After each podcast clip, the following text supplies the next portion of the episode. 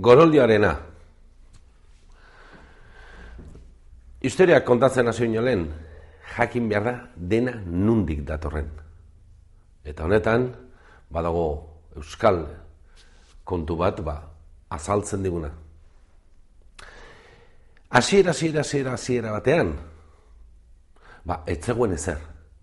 Benetan ezerrez. Bakarrik jangoikua. Eta jangoikua, ba, aspertuta zegoen, eta nola euskalduna zen, beti mala letxen zegoen, hemen ez dago zer egiterik, hemen ez dago zer, ez dago ez frontoi bat, ez musean jolasterik, ez patxaranik, baina derrepende esan zuen, huh? badagit, baina euskalduna naiz, emprendedore bat naiz, zerbait egin behar du, zerbait egin behar du, zer egingo dut, zer egingo dut, eh, eh, eroski bat egingo dut, kontxo, baina nun jarriko dut. Balakit, lehenengo mundua egingo dut. Eta estu zen atzamarrau, eta ra!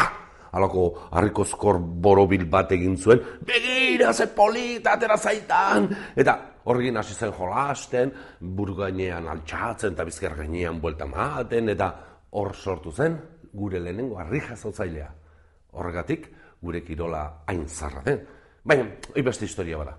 Baina, horrekin aspertu egin zen, eta santzuen, zerbait kolore pixka bat behar kolore pixka bat, eta ra! Eta jarri zituen zelaiak, eh, basamortuak, errekak, mendiak, baina horrekin ere aspertu. Da, hemen mugitzen den zerbait, mugitzen den zerbait behar dut. Eta raz! Eta jarri zituen zomorruak, txoriak, animaliak, eta pertsonak. Eta guzti guztiei hitz egiteko almena eman ziren. Eta ero, siestara joan zen, ja, hemen, bihatzen agujetak.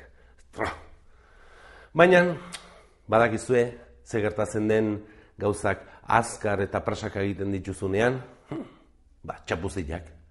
Eta bizidun guztiak hitz egiten ari ziren bitartean, jangoikoak goroldioa aztu zuen.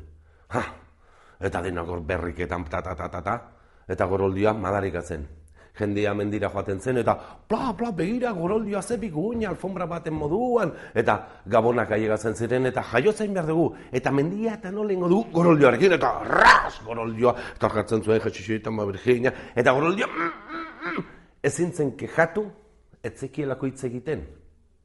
Baina, inguruko bizidun guztia konturatu zirenean, goroldioak etzekiela hitz egiten, ba, bere hitzak erakusten hasi ziren eta arbolak erakutsi zizkion bereak, ba, sustraiak, enborrak, adarrak, e, gauza berde horiek, eta ardi batek bereak, me, ardi bat nahi, zein duzu. Baina baita ere, esnea, mamila, gazta, artila, eta behi batek bereak, mu, kontu nirekin, baina baita ere, esnea, gazta, oso originalak etzien bintzat, tetrabrik, eta gizon batek bereak. Eta horrela, goroldioa bihurtu zen, munduko izakiri jakintxuena, denen hitzak zekizkielako.